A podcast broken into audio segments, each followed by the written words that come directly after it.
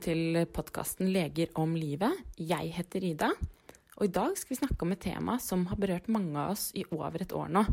Vi har alle fått en ny hverdag, og de fleste har jobbet hjemmefra. Men hva gjør egentlig hjemmekontor med oss, og hvordan kan vi håndtere hjemmekontorhverdagen best mulig? Det får vi svare på i dagens episode.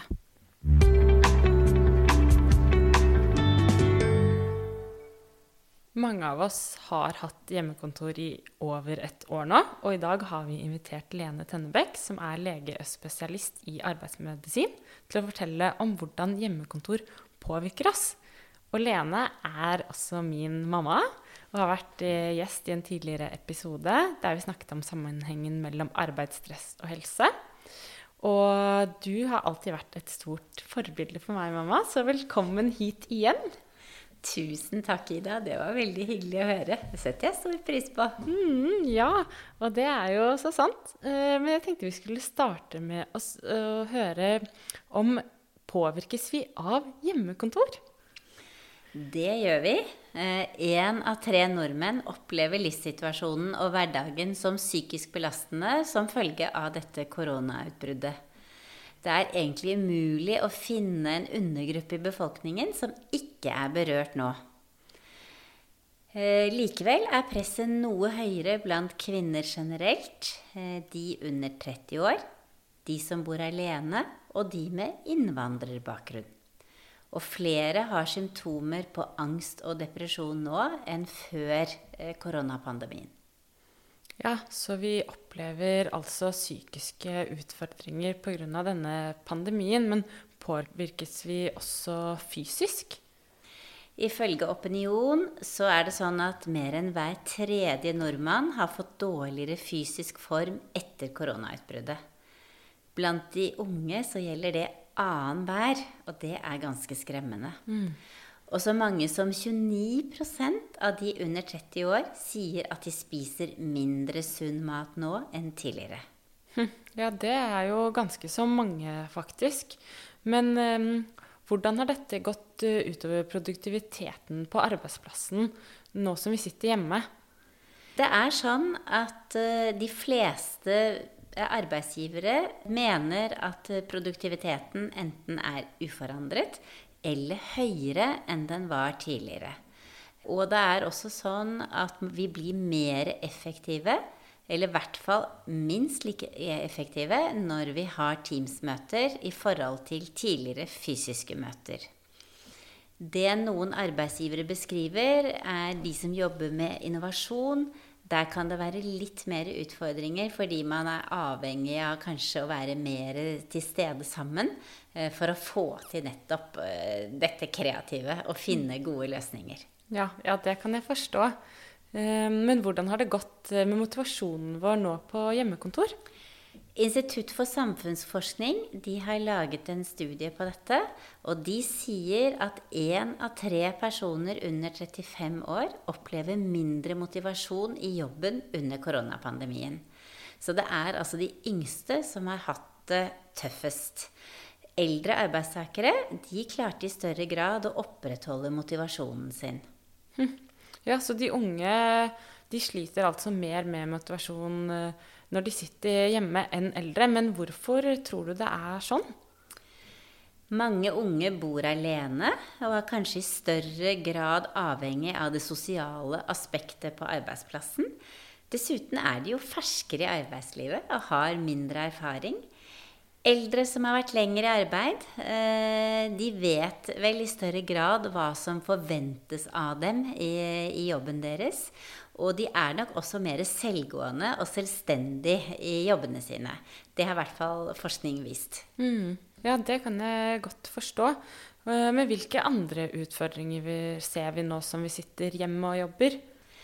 Det er ingen tvil om at vi sitter mer stille nå på hjemmekontorene våre. Det er jo ikke så lang avstand fra kjøkkenet til eh, arbeidsplassen f.eks. Mm. Eh, og da blir det jo også sånn at eh, når man sitter kanskje ved et kjøkkenbord eller på eh, ja, hva skal jeg si, ikke en så hensiktsmessig arbeidsplass, så vil det også være risiko for å pådra seg muskel- og skjelettlidelser. Fordi ergonomien da på arbeidsplassen blir jo kanskje ikke fullt så god som den er på jobben. I den forbindelse så har jeg lyst til å nevne at uh, arbeidsmiljøloven gjelder også på hjemmekontor. Så arbeidsgiver har jo faktisk ansvar for å tilrettelegge arbeidssituasjonen også på hjemmekontoret.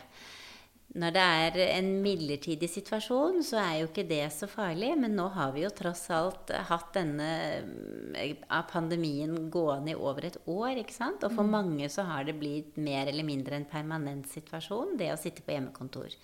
Så partene i arbeidslivet de diskuterer nå i hvor eh, stor grad arbeidsgiver har plikt til å tilrettelegge arbeidssituasjonen også på hjemmekontoret. Mm. Men hva med work-life balance? Hvordan har det fungert? Det er jo vanskeligere å definere et tidspunkt for når arbeidsdagen er slutt, når man sitter der på hjemmekontoret sitt. Det er mer utfordrende, selvfølgelig. Eh, og det jeg hører, er, og særlig i den situasjonen hvor barnehagene var stengt, eller skolebarn må være hjemme fra skolen pga. karantene, Eh, så er det en, hva skal jeg si, en opplevelse av utilstrekkelighet hos mor og far, som både skal gjøre jobben sin eh, og i tillegg ta seg av barnehagebarn og skolebarn som skal ha hjelp med leksene. Eh, og da blir det jo sånn at man kanskje har en litt sånn kronisk dårlig samvittighet for ikke å, å strekke helt til. Altså. Det vi kaller for rollekonflikt. ikke sant? Hva, mm. hva, hvilken rolle er den viktigste her nå? Er det jobben, eller er det det å ta seg av barna sine? Mm, ja, det er veldig forståelig. Og til og med jeg uten barn kjenner jo mye på dette med work-life balance. da. At uh, det er litt vanskeligere når det ikke er så tydelige overganger lenger, og det er fort gjort at man konstant er pålogget. Uh, så det er jo noe å tenke på. Men um, vi har jo også sett noen positive effekter av hjemmekontor. Ja, absolutt. Eh, når det er eh, mindre tid til å frakte seg frem og tilbake til arbeidet, så får man jo mer tid til overs, selvfølgelig.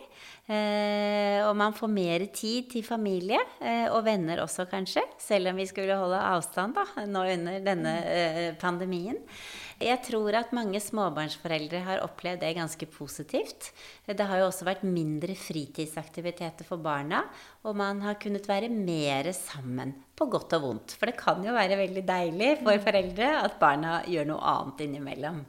Eh, men jeg tror mange småbarnsforeldre syns at det har vært en mindre stressende tid. Eh, mer ro eh, over hverdagen. Og det er jo virkelig av det gode. For mindre stress, det er bra for oss. Mm, absolutt. Og det er jo deilig med mer tid. Men hva er det vi savner mest med å være fysisk på jobben? De fleste savner kollegene sine. Selv den mest irriterende fyren på jobben. Eh, men det er ikke de eh, lange faglige diskusjonene vi lengter etter. Det er pratene ved kaffemaskinen og samtalene eh, i kontorlandskapet. Det å kunne gi en kjapp beskjed til en kollega eller få en rask avklaring, for den saks skyld. Eh, høre en morsom kommentar eller en spøk fra sidemannen. Eh, det er jo sånne ting vi virkelig savner, altså. Mm. Det som i hvert fall er sikkert, er at det er lettere å konsentrere seg om oppgavene på hjemmekontoret. For der er det eh, ikke forbrytelser, forutsatt at du ikke har barna dine hjemme, da selvfølgelig, mm. og avbrytelser.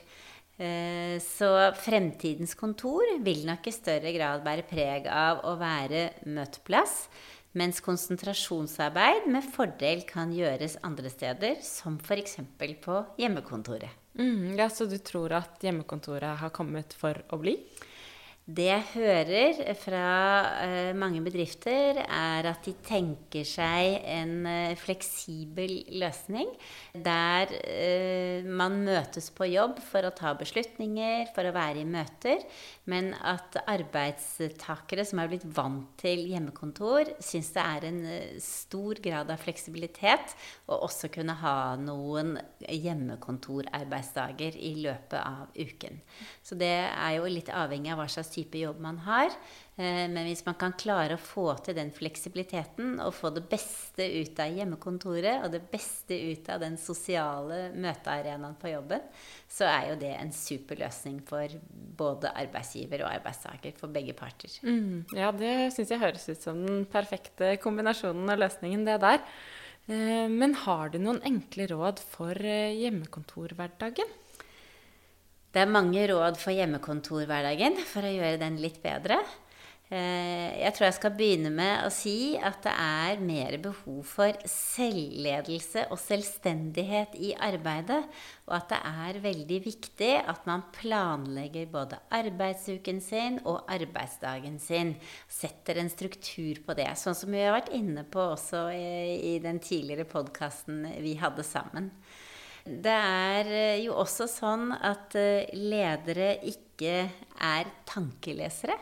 Så vi som ansatte, det er veldig viktig at hvis vi har noe på hjertet, hvis det er noe vi eh, bekymrer oss for, eller hvis vi trenger hjelp til noe, at vi er veldig tydelige overfor lederen vår og sier fra om det. Og på samme måte så er det jo veldig viktig at ledere følger opp sine ansatte, er tett på. Eh, sjekker om alt går som det skal, at man snakker om eh, hva som forventes, og også om eh, hva slags resultater som er oppnådd, f.eks. Sånn at man føler at det savnet i forhold til fysisk tilstedeværelse ikke blir så stort. Så er det i mange bedrifter mange som har begynt med det vi kaller for walk and talk, altså gående møter.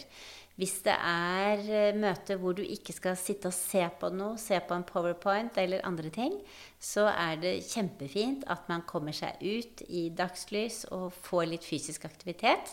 Og kan gå og prate, eh, rett og slett, og kombinere disse to tingene. Mm. Så mange anbefaler det. For det er jo viktig at vi unngår stillesittingen. Så det å ta hyppige pauser fra PC-en, reise seg opp hente et glass vann, riste litt på skuldrene, strekke armene i været, ikke sant? Mm. Eller danse tre minutter etter yndlingsmusikken sin, mm. sånn som du liker i dag. Ja, ja, ja. Det er kjempelurt. Mm. Og da blir vi mye mer effektive etterpå, for da øker vi blodtilførselen til hjernen. Eh, og så gjør vi jo eh, en bedre innsats også, og er mer konsentrerte, rett og slett. Ja, absolutt. Eh, med hyppige pauser og gående møter, det er jeg veldig fan av selv selv, i hvert fall. Mm, mm.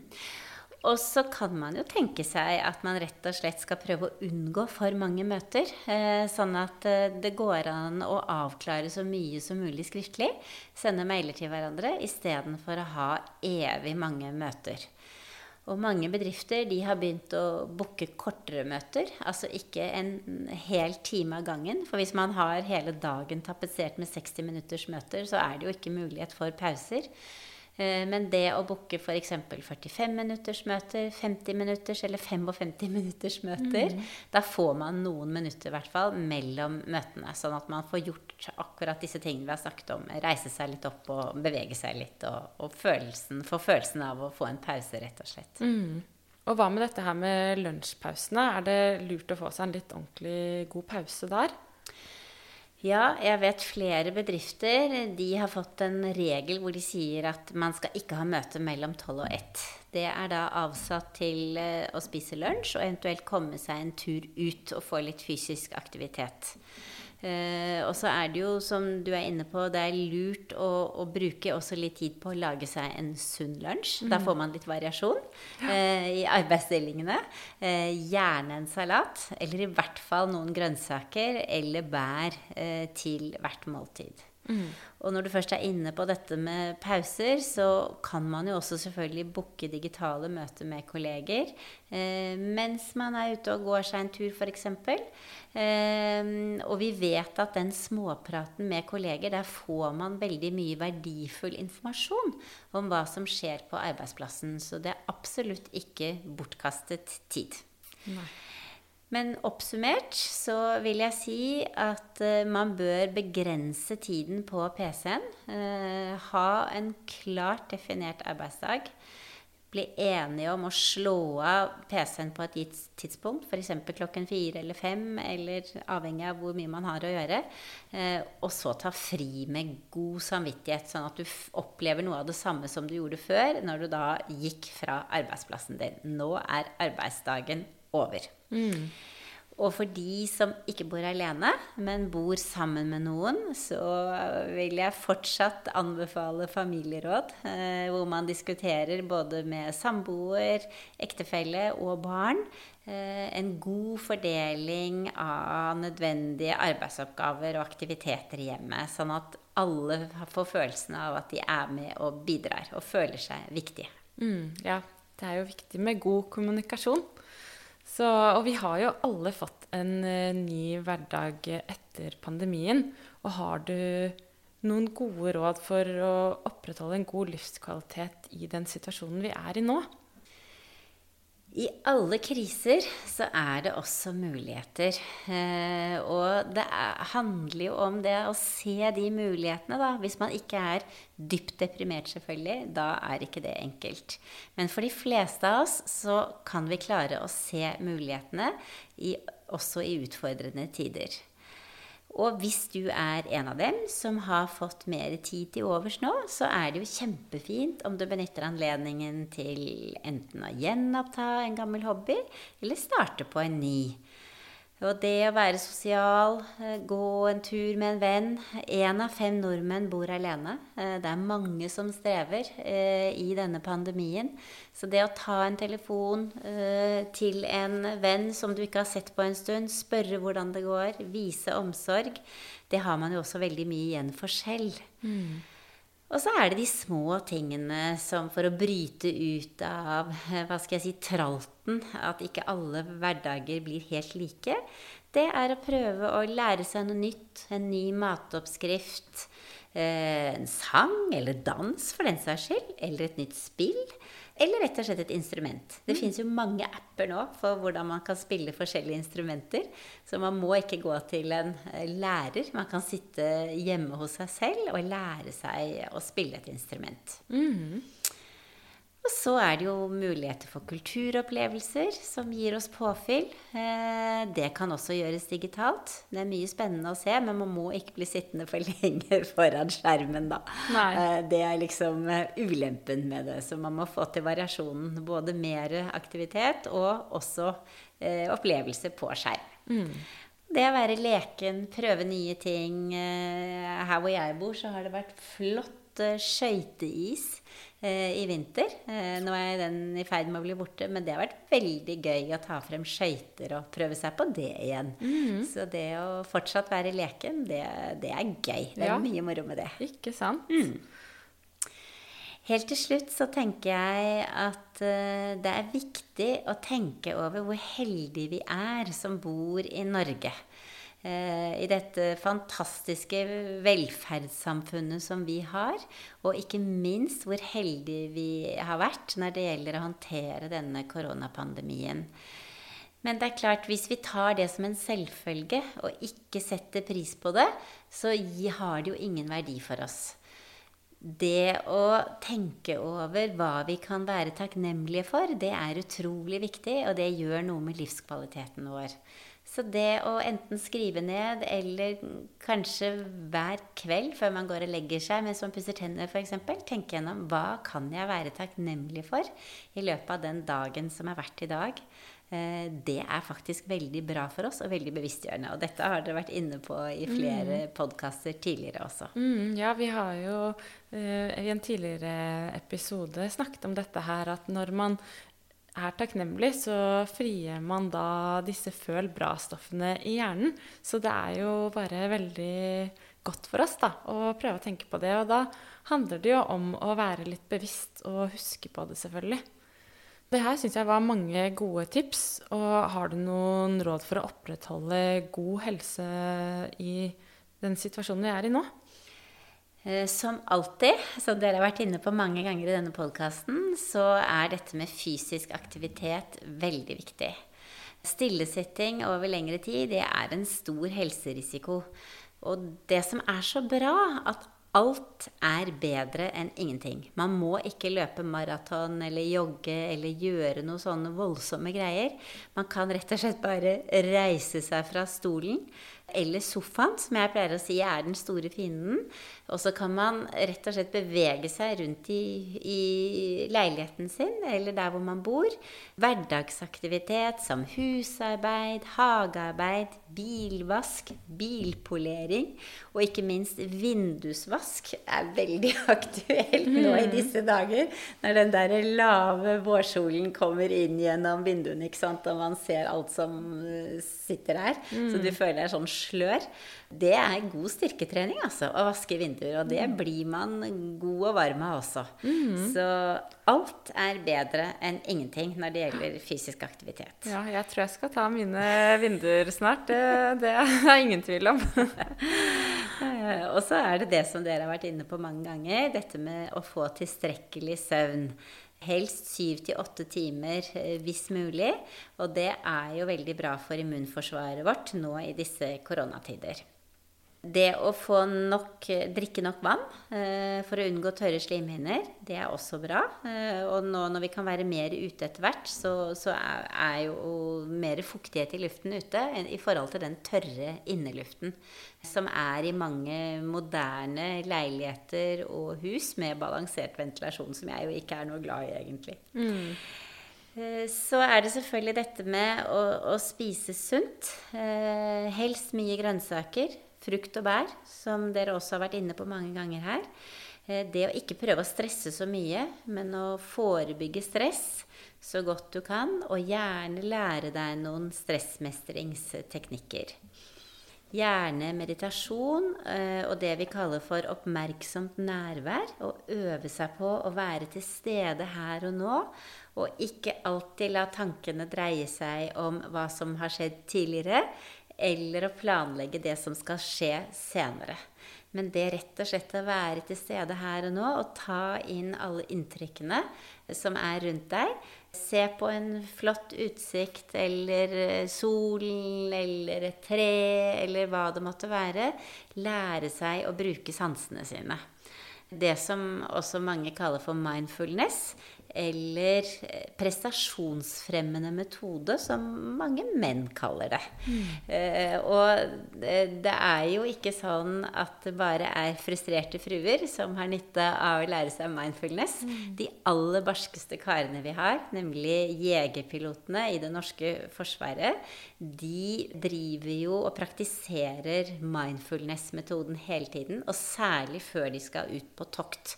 For da blir de veldig mye mer konsentrert og mye mer årvåkne. Mm. Og dette er en god metode for stressmestring. Og eh, det ser også ut som om eh, det bedrer søvnkvaliteten for de som gjør dette regelmessig. Mm. Så veldig mange gode grunner til å drive med oppmerksomhetstrening eller mindfulness. da.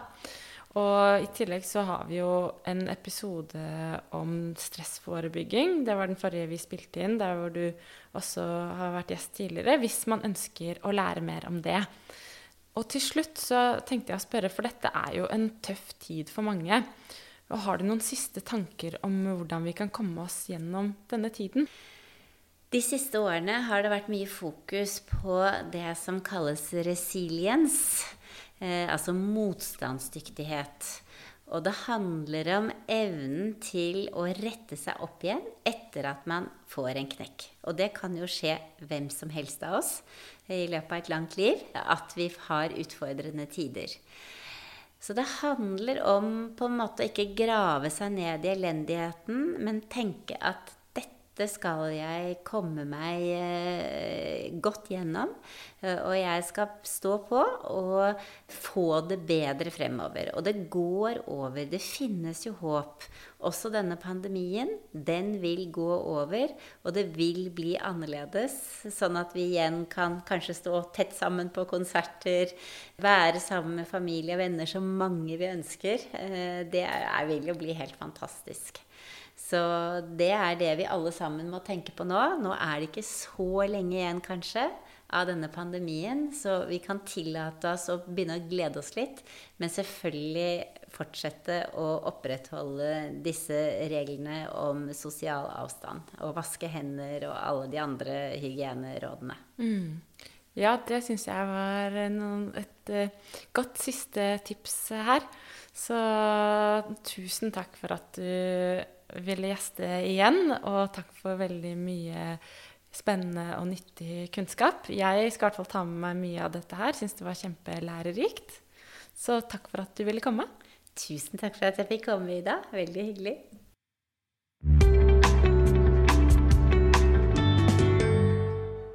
Jeg håper du får bruk for noen av disse rådene og tar med deg det som passer i akkurat ditt liv. Jeg skal i hvert fall prøve å implementere flere av de i min hverdag. Så vil jeg bare avslutte med å si at hvis du har noen spørsmål eller temaer du ønsker at vi tar opp, så er det bare å sende en mail til legeromlivet at gmail.com. Så ønsker jeg deg en herlig dag og uke videre. Ha det bra!